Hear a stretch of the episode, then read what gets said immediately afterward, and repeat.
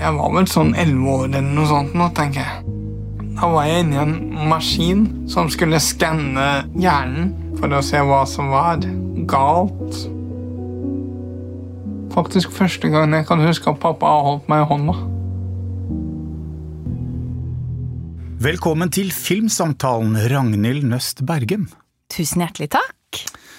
Ja, for en ukes tid siden fikk du selveste Gullrutens fagpris for beste regi for dokumentaren Vær her, som både har gått sin seiersgang på kino og på strømming, så vidt jeg vet. Ja, på NRK og SVT. Ja, og nå er du aktuell med en ny dokumentar med tittelen Ola, en helt vanlig uvanlig fyr, som nylig ble vist på Human Filmfestival og slippes på NRK om ikke så lenge. Ja, den skal på NRK, og så skal den på kino før det. Så denne høsten her så skal vi på turné rundt omkring i landet med fokus på spesialvisninger. Så det gleder jeg meg til. Men ikke nok med det, i vinter hadde du også premiere på en dokumentarserie, Koronadagbøkene, om hvordan helsepersonell opplevde pandemien. Vi skal komme tilbake til den serien, men først til Ola, en helt vanlig uvanlig fyr. Den er beskrevet som en feelgood-film om en 30 år gammel mann med nedsatt funksjonsevne som reflekterer over hva en diagnose innebærer for det livet han ønsker å leve. Det som gjør filmen annerledes enn andre feelgood-filmer om funksjonshemmede, er at hovedpersonen er ganske filosofisk anlagt og har en bevissthet om hvordan han kategoriseres av samfunnet. Kan du si litt om hvordan du fant fram til Ola? Eh, Han er jo på en måte en han er en veldig sterk karakter, om vi skal våge å bruke et begrep fra fiksjonsfilmen. Jeg møtte faktisk Ola for første gang i 2014. Når jeg studerte dokumentarfilm på Lillehammer, så skulle vi lage et miljøportrett. Og da dro jeg til den landsbyen som han bor i, som heter Vidaråsen. Som er en landsby som ligger utenfor Tønsberg, hvor det bor 150 mennesker. Og 50 av de har ulike utviklingshemminger. Så da lagde jeg et miljøportrett derfra.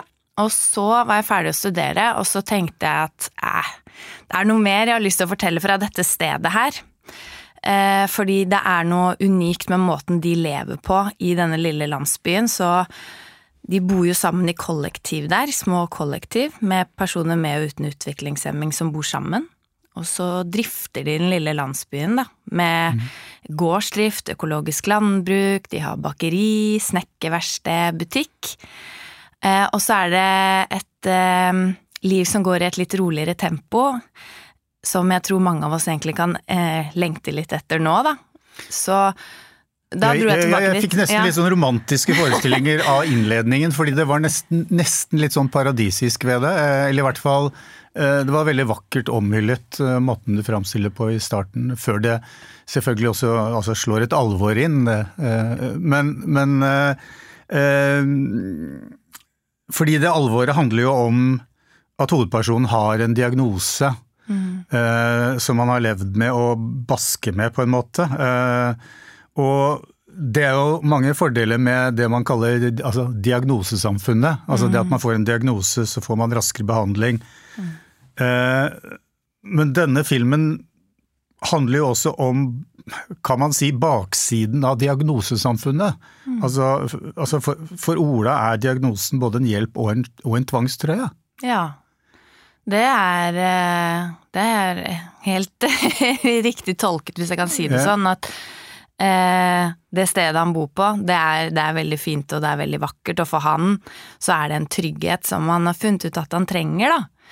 Eh, og når jeg kom tilbake for å fortsette å filme der, så, så visste jeg at Ola skulle være en viktig del av det jeg filmet, men jeg visste ikke helt hva det skulle bli til.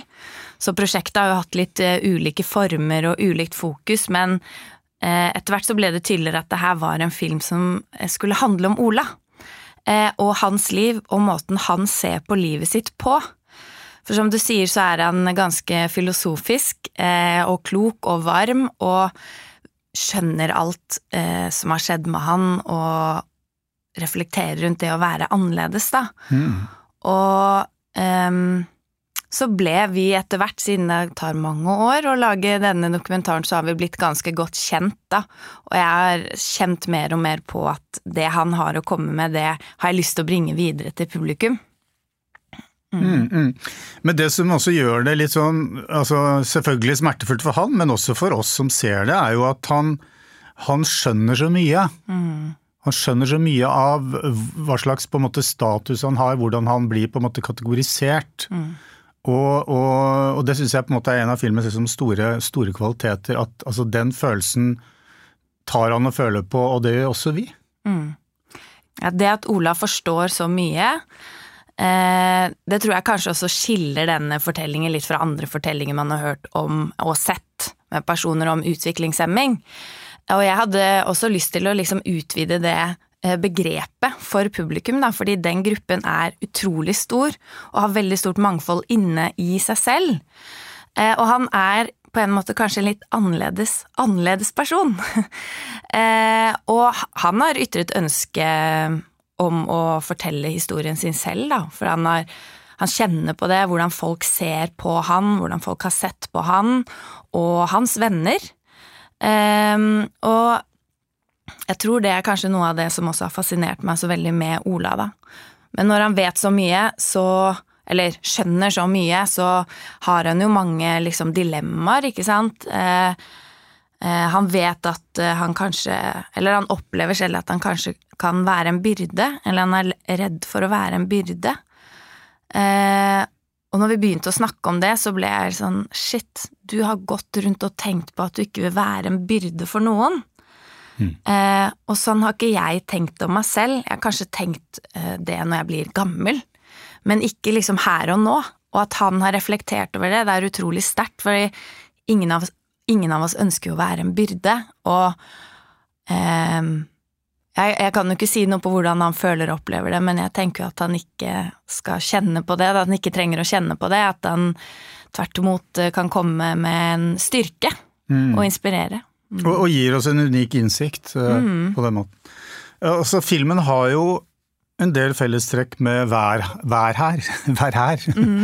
eh, eh, som på en måte var din gjennombruddsfilm, eh, kan man vel si. og Eh, der Vær her handlet om mennesker som holder på å forsvinne gjennom demens, så skildrer jo denne filmen en hovedperson som vokser i bevissthet. Mm. Som blir mer og mer til stede, mm. eller mer bevisst uh, hvem han er. Mm. Så det er på en måte to forskjellige utgangspunkt, kanskje. Altså man begynner i ulike ender. Ja. Eh, når jeg begynte å lage, begynte å filme på hver her, så det er jo tre personer som har demens, da, mm. som jeg har fulgt over noen år. Eh, og jeg visste jo ikke hvor lenge de kom til å leve, visste ikke hvor syke de kom til å bli i løpet av prosessen. Eh, men det er jo en dødelig sykdom, sånn at eh, visste jo at det her Vet jo hvor dette ender, eh, men jeg ønsket å lage en film som handler om at selv om det er mye mørke og tunge ting som følger med den diagnosen, så er det ikke bare det. Eh, det er også lys, det er også fine stunder. Mm. Og det var jo veldig viktig å løfte fram også fordi det var det jeg opplevde i løpet av de årene jeg filmet. Eh, men det er, mot, eh, det er mot slutten av deres liv, men, mens Ola han er liksom i fart. og ble mer og mer i fart i løpet av de årene jeg filmet han. Og blir tryggere i seg selv, han finner et mot, han finner en styrke. Men kanskje hvis jeg skal si noe om fellestrekkene, så, så handler det om liksom det å For å kjenne en trygghet, så trenger man noe som er, noen som er nær deg. Eh, noen som kan være der sammen med deg. og det opplevde jeg på begge de filmene, da. Mm. Mm.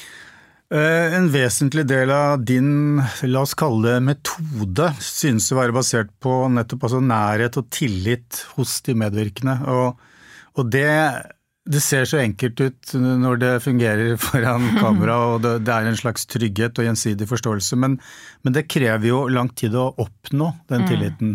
Og du var inne på det at du har, altså, du, du har fulgt Ola gjennom mange år.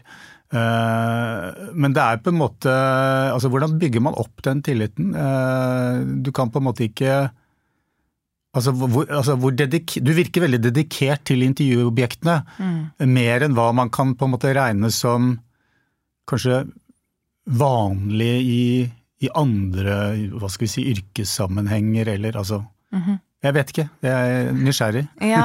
Um I begge de filmene her da, så har jeg vært alene på opptak hele veien. Mm. Så både regi, foto og lyd. Uh, det tror jeg spiller inn. At det ikke er et team som venter på at noe skal skje, at kanskje de man filmer opplever at eh, det er dårlig tid, eller nå må jeg levere, eh, sånne type ting. At det er, det er jeg som er der, og at jeg er på besøk hos de, og at jeg har lyst til å være der sammen med de den tiden jeg er der, da. Og jeg har ikke dårlig tid, eller jeg i hvert fall ikke, selv om jeg kanskje føler på det inni meg og til at jeg kan ha dårlig tid, så, så er det viktig for meg å, å vise fordi at eh, jeg er, jeg er her med de, da. Og så er det jo det at um, jeg spør de om det jeg lurer på. Eh, og det finner jeg ut ganske fort at det kan jeg gjøre. Jeg kan spørre de om det jeg lurer på. Det kan man jo kanskje tenke at personer med demens sånn Nå må du trå veldig forsiktig, ikke sant? Eh, og så har jeg tid til å vente på eh, om det kommer et svar, og vente på hva svaret er. Og hvis jeg venter enda lenger, så kan det godt hende at det kommer en fortsettelse på det svaret. Eh, så det tror jeg også er en faktor, da, at eh, jeg spør de om det jeg lurer på, men jeg, men jeg begynner ganske rolig da, når jeg er på besøk de første gangene. Eh, og Ola har jeg jo der, det er, jo ja, 2014. Det er en del år siden sist, da. Så hvis man skal se noe positivt i den prosessen når man lager dokumentar med at man søker penger, venter, får avslag, prøver på nytt, så er det i hvert fall at jeg får tid til å bygge opp den tilliten, da. Det er jo en strategi eh, hos en del dokumentarister å eh, selvfølgelig være tålmodig, men også være utålmodig i den forstand at man, man ønsker gjerne at eh, intervjuobjektene, de medvirkende, skal komme frem til noe, uttrykke noe. Eh, men du, du må isteden kanskje altså, undertrykke den impulsen litt, grann, og men, men det, er jo, det er jo mange dokumentarister som forsøker å slite ut intervjuobjektene litt for at de skal senke garden, ikke sant? Mm. Men, men den type strategier er vel kanskje litt på kanten her når det er såpass utsatte mennesker? Ja, nei, det er i hvert fall ikke den taktikken jeg har kjørt her. Nei? Så, eh, og nei, og det handler jo helt sikkert også om hvem jeg har lagd, jeg har lagd eh, film om her. Ehm, men eh, nei, jeg vil si at det har gått, gått egentlig den andre veien. Prøve å, prøve å holde tilbake. prøve å la de få tid til å si noe. Og det der med å vente etter at jeg har spurt noe. Jeg har virkelig erfart at hvis jeg venter enda litt til, så kan det godt hende at det kommer noe videre. Og i dokumentaren Vær her, så er det en dame som heter Mimmi, eh, som har Alzheimers sykdom, eh, som etter hvert setter ord på hvordan hun opplever det. Eh, og det var overraskende for meg at hun forsto så mye, og også at hun klarte å si det med ord. Eh, og det kom ikke den første dagen. Altså, det kom etter lang tid, og hvor jeg også kom inn i tempoet som livet deres går i, da. Fordi det er et saktere tempo. Eh, og jeg har for så vidt også ønsket å formidle det tempoet i filmen også, da. Men eh, komme inn i rytmen deres liv går i. Eh, tørre å bare vente. Ja, tørre å vente. Altså Du har sagt at du ønsker å bruke Altså finne tid og ro i scenene, ikke sant? Ja. Eh, Det som preger disse filmene er også at du, altså, du har en utstrakt bruk av nærbilder. Veldig nære bilder. Mm. Kan du si litt om det? Fordi det er jo mange dokumentarister som utforsker nærbildet på, for å oppnå en større intimitet. altså de mest kjente, Errol Morris, la jo intervjuobjektene også få se hans reaksjon når han snakker med dem. Eh, og, og Deja Khan gjør noe lignende også, har jeg opplevd, i sine nære portretter. Og, altså, kan du si litt om hvordan du, du på en måte forholder deg til dem rent fysisk når du filmer? Ja, um, Altså, ja. du man føler jo veldig at du er veldig sterkt til stede, Uh, og, da, og, og man merker fortroligheten. Altså, de ser mot deg innimellom med ja, Altså, på oss, men mest på deg. De ser litt ut på siden av kameraet, kanskje? Altså, før jeg studerte dokumentarfilmregi, så gikk jeg på Oslo fotokunstskole. Ja. Så jeg er fotograf først. Eh, og det var jo en kunstskole, men i alle oppgavene så merket jeg at jeg dro mer og mer i en dokumentarisk retning. Men det er jo utgangspunktet mitt, da, eh, at jeg er fotograf. Eh, og har likt eh, veldig godt å på en måte sette opp bilder. Altså se for meg det som et stillbilde. Eh, også når jeg har gått over til å filme.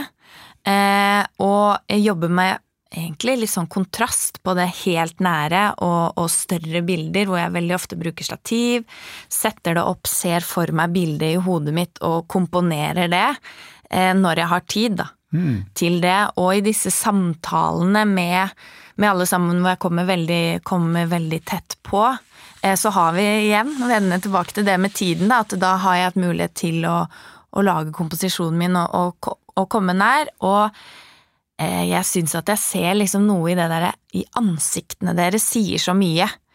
Eh, og, og komme nær, og særlig hos han Olav da, i den siste mm. dokumentaren, når eh, filosofen sitter og tenker, så syns jeg nesten at jeg, jeg, ser det i ansiktet hans, da, og det, eh, fascinerende, og, og, da ønsket jeg å gjøre det også nært sånn visuelt. Mm. Um, ja. Og du jobber ganske mye med lyset. Uh, mm. I vær her så er, var det jo et nærmest altså et slags hvitaktig lys. Mm. Som ble kanskje enda hvitere jo nærmere på en måte de kom hva skal vi si, uh, utslettelsen av sin egen mm. identitet, eller mm. bevissthet. Og, og, og, her også så er det mye lys uh, som på en måte treffer ansiktene. Mm. på litt annen måte, men Og, og det, er jo ikke, det er jo et tilknytning til en slags oppvåkning hos hovedpersonen. Da. Ikke det at han har vært våken før, men, men altså en større bevissthet om hvem han er. Jeg er veldig glad i naturlig lys. Mm. Det er igjen vender tilbake til når jeg studerte foto, så jeg likte aldri å ha med meg lampe og sette opp og sånn. Det vil være naturlig lys, vinduslys. Mm. Eh, og det Jeg filmet jo Ola-filmen og den Vær her i, i, samme periode. Jeg jobbet med Ola-filmen over flere år, da, men eh, siden jeg filmet samtidig, så har jeg nok funnet formen litt eh, med begge filmene. Og, og, det å bruke lyset, som du sier, i Vær her, så ønsket jeg at det skulle bli, ja, hvitt, og mm. som mm. Mens hos Ola så er det kanskje litt dusere i noen, i noen retninger. Eh, men jeg er veldig bevisst det med lyset, ja. Mm. Mm. Det er på en måte det, det, det, det mer kunstneriske, men, men, du har også en bakgrunn ved å ha jobbet på sykehjem og hjemmesykepleien tidligere. Uh, hva, hvordan har det påvirket deg? Altså I den første filmen hver her, så var jo det uh, Kunne du sikkert trekke veksler på en del erfaring uh, i så måte, skulle jeg tro. Ja. Og det har vel gitt deg et slags innsyn i en verden som, som ikke alle følger? Mm. Eh, alle burde egentlig jobbe litt på sykehjem i løpet av ja. livet. Mm. Eh, fordi da møter man på så utrolig mange skjebner. Eh, og i jobben på sykehjem og hjemmesykepleie så møtte jeg selvfølgelig veldig mange personer som hadde demenssykdom. Og så hvordan denne sykdommen rammer så mange, og hvem mm. som helst. Og jeg har jo hatt demenssykdom i familien min nå, farfar og mormor. Eh, og så har jeg jo møtt på eh, personer i de jobbene som jeg også har lagd dokumentarfilm om. Eh, så ja, det har absolutt preget meg, og mange av filmene jeg har lagd så langt, er jo innenfor liksom retningen med helse, eh, sårbare grupper. Mm. Eh, jeg vet ikke om det er det jeg alltid skal gjøre, da, men det, det har vært hovedtyngden så langt. Mm. Eh, går det an å si at du i så måte har eller at man må utvikle en slags egen hva skal vi si, dokumentaretikk når man jobber med så, såpass utsatte, sårbare personer. Altså, øh, og jeg er litt nysgjerrig på hvordan du Altså, du har vært alene, men, men samtidig så er du jo i, i, disse tilfellene helt avhengig av en aksept fra de fra det, altså intervjuobjektenes nærmeste, altså mm. deres umiddelbare omgivelser. Mm. Uh, så du må jo på en måte du må jo skape tillit i alle ledd, for å si det sånn? Ja. Ikke bare de som skal putte penger inn i prosjektet? Nei, Nei aller viktigst er jo de medvirkende ja. og de som står rundt dem, da. Eh, og på hver her følge personer med demens. Eh, hvor lenge kommer de til å leve? Eh, kommer de til å kunne se filmen når den er ferdig? Kommer de til å forstå mm. hva dette er? Det vet jeg ikke når jeg begynner. Så der var det utrolig viktig å, å i starten lage avtaler, da. Eh, så de tre har jo sagt ja selv, og så har de pårørende sagt ja, og verge når det var tilfellet. Eh, og da er det jo de pårørende og verge som etter hvert var med og så gjennom klippen, da. Og mm. hvis det var noe de mente vi ikke kunne ta med der, så skulle vi forholde oss til det. Fordi her eh, har de latt meg og oss være med inn i noe som er så skjørt, da. At ja. jeg vil ikke liksom trumfe gjennom noe.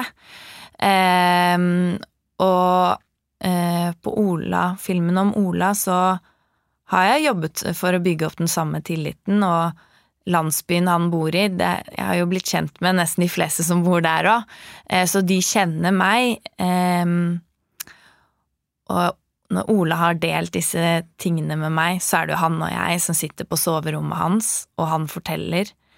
Eh, men jeg tror det var ganske vanskelig for han å se det der første gang, når han kom inn i klippen å se seg selv så nært, mm. fysisk, og også se hva han faktisk eh, har sagt høyt. For noe av det han sier der, har han nok ikke sagt høyt før. Nei, nettopp. Eh, og eh, da foreldrene også var med inn i klipperommet, og, og de så liksom et, en versjon der første gang, så, så, merket jeg i rommet at det ble veldig sterkt for de også, da. Um, og hatt den samme approachen at hvis det er noe dere mener ikke, ikke hører inn her, så, så vil jeg forholde meg til det, da. Mm. Um, men de har fått komme inn flere ganger og fått kjenne litt på det og få gått litt hjem og, og funnet ut og, om det var greit eller ikke, dette her. Og så, i begge tilfellene, så har jo det vært greit, det vi har hatt med. Det har ikke dukket opp noen sånne utfordringer, heldigvis, da. Men når du skal bli kjent med et sånt miljø som på Vidaråsen, eh, dette hjemmet eh, hvor Ola bor, altså i starten Eh, hvordan, hvordan tilnærmer du deg det? Altså, går du, altså, hvordan driver du research? Du, eller, eller, eller, begynner du bare, møter du opp og så har du med kamera? Eller er det, er det så smart å veive rundt med kamera tidlig i, mm. i prosessen? Eh, ja, eh, det var jo denne landsbyen som jeg var i første gang i 2014. Da, da hadde ja. jeg jo gjort litt research ja. før jeg lagde det prosjektet. Eh, så der hadde jeg jo med meg det når jeg kom tilbake i slutten av 2016. Eh, men da hadde jeg med meg kamera fra første gang. Men, men er ikke det altså Noen, noen dokumentarister er, har jo sånn enestående evne til å bare eh, på en måte maskere kamera, eller få kamera til å ikke virke inngripende eller hva skal vi si provoserende, eller som et slags filter altså at greier, Man greier allikevel å kommunisere og ikke og er forsiktig med å på en måte eh, skyve kamera i ansiktet på folk. Mm, ja, det er nok det jeg, det jeg har prøvd. Da. Ja. Det er jo det derre Jeg har med meg et stativ, jeg har ikke så stor rigg, jeg har ikke så stort kamera. Jeg setter det opp, og jeg følger noen situasjoner. Og det første jeg filmet eh, når jeg kom tilbake, det er en veldig viktig scene i dokumentarfilmen. Og da da var jeg der når Ola er på jobb på snekkerverkstedet, da. Mm. Eh, da hadde jeg sagt til Ola kan, kan jeg komme og se hvor du jobber nå? Kom inn der, satte ned kameraet, og så er jeg jo veldig med på en måte bak kamera. ikke sant? Jeg sitter ikke og stirrer inn i linsa, jeg setter det fra meg og, følger selvfølgelig med der, men jeg prøver jo å vise veldig til de jeg filmer at å, jeg er interessert i det dere gjør her, eh, det spiller ikke så stor rolle hva dere gjør.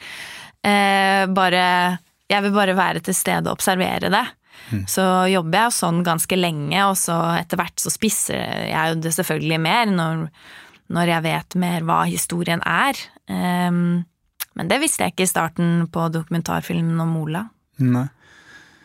Uh, samtidig så har du da laget koronadagbøkene, altså fortellinger fra helsevesenet. Eh, som du har gjort innimellom alt sammen. Eh, og mye av dette altså det strekker seg over flere år noen ganger, sånn at uh, man jobber vel kontinuerlig Nå omtaler jeg deg i tredjeperson her. Mann jobber. Du jobber jo over lengre strekk samtidig med parallelle prosjekter. Men, men, men på koronadagbøkene så har du jobbet uh, helt annerledes. Der har du jo ikke hatt den nærheten Uh, altså dette skjedde jo altså, Dette var jo under pandemien hvor, hvor du måtte stole på opptak eh, helsepersonell selv på en måte gjorde, da. Ja, det var en helt annerledes måte Ja. å lage dokumentarfilm på. Det, eh, Hver her skulle på kino i eh, ja, eh, premiere 17. april eh, 2020. Så det skjønte jo at det ikke kom til å bli noe av, og så var det den berømte 12. mars, da, så dro jeg hjem fra jobb, og så tenkte jeg ja ja, hva skjer nå, jeg vet ikke, jeg er litt redd. Og så tenkte jeg jo sånn, jeg jobber med å lage dokumentar, da, nå skjer det noe veldig eh, skremmende og avgjørende i historien, eh, så tenkte jeg kanskje jeg må prøve å lage noe, da. Så ringte jeg produsenten jeg jobba med i norsk fjernsyn på kvelden, så sa jeg jeg har en idé, jeg har lyst til å følge helsepersonell, eh, vil du være med? Eh, og så sa han ja, vi er med, og så begynte vi å jobbe. Eh, og jeg ville følge helsepersonell, og min, min første tanke var jo å jobbe litt sånn som jeg har gjort andre ganger, jeg med et kamera. Drømte liksom om at jeg kunne være på en intensivavdeling, ikke sant. Eh, Men forsto ganske fort at eh, dit kom jeg meg ikke inn på lenge. Eh, Det var jo besøksforbud overalt.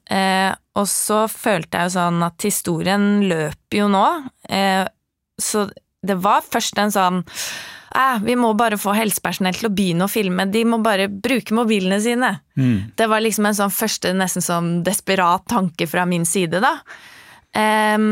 Og så eh, begynte de første å filme med mobilene sine, og så fikk jeg det inn, og så så jeg liksom ja, men det her er jo egentlig veldig interessant. Og da ble det fortellerformen i denne dokumentaren, da. Så det er jo helsepersonell som har filmet seg selv gjennom ett år, fra 12. mars til 12. mars. Eh, ved bruk av mobilfilmer, så eh, satt jo jeg da hjemme først, og etter hvert litt på kontoret, og fikk filmene tilsendt, så jeg var jo ikke ute med de der, eh, og måtte jobbe helt annerledes. Da var jo mange av de jeg ikke hadde møtt. Hadde bare skrevet og ringt på telefon. Eh, å prøve å bygge opp en tillit eh, den veien er jo krevende, da. Eh, og ja, gi regi over telefon eller Skype eller tekstmeldinger. Ehm, ja, det var en utfordring, men òg veldig interessant. Men kanskje ikke en måte å jobbe på som du kommer til å forfølge hvis ikke du må? Ja, det stemmer. Ja. Men, men nei, det, det, det er Men du, ikke dit jeg du har sagt et eller annet sted om at du har, den ble laget for framtiden. Ja. Og, og det er vel noe i det at, at dette er, var et viktig altså tidsvitnedokument, kanskje? Ja, det var jo det som egentlig jeg tenkte den dagen, 12. mars. Da, sånn, Nå skjer det noe historisk. Jeg må prøve å fange det her på et eller annet vis. Eh, og utover det året hvor de lagde filmene, ble jo alle lei av korona. Det ble jo vi òg, det ble jo jeg òg. Eh, men så prøver jeg å tenke ja, men denne filmen her, den blir mer interessant jo lenger unna vi er. Så om 20 år og 50 år, og den fortellerformen det ble med mobilfilmer og sånn, det var jo også sånn vi kommuniserte, da. Eh, Mye. Gjennom det året. Ehm, så den forhåpentligvis for, syns noen det er interessant å se den om en del år, da. Disse filmene dine har jo på en måte handlet om hva skal vi si, eh, enkeltmennesker innenfor sånn helse- og sosialsystemer. Og, og, og så ser jo alle produsenter at uh, dette er noe du virkelig kan, dette behersker du, her er du suveren. Og da er det jo lett at du blir liksom At det, er den, det er den stien du skal gå på videre. Og du var inne på det innledningsvis at liksom du, du vet ikke om, det er, om du kommer til å lage den typen filmer videre nødvendigvis. Men, men hvor, hvor, hvor går veien videre, tror du? Um, jeg er jo i gang med utviklingen av en annen dokumentarfilm. Som har en litt annen retning, men som fremdeles har hva skal jeg si, en litt tøff tematikk. Eh, Men jeg kjenner på at eh, det, har, det er ikke bare det jeg har lyst til. Nei. Så jeg har jo noen ideer som er litt, hva skal jeg si, en lettere eh, Lettere historier, da. Ehm, Så Men jeg tror ikke jeg gir slipp på den retningen helt heller. Nei. Takk for at du ble med i Filmsamtalen, Ragnhild Nøst Bergem. Tusen takk.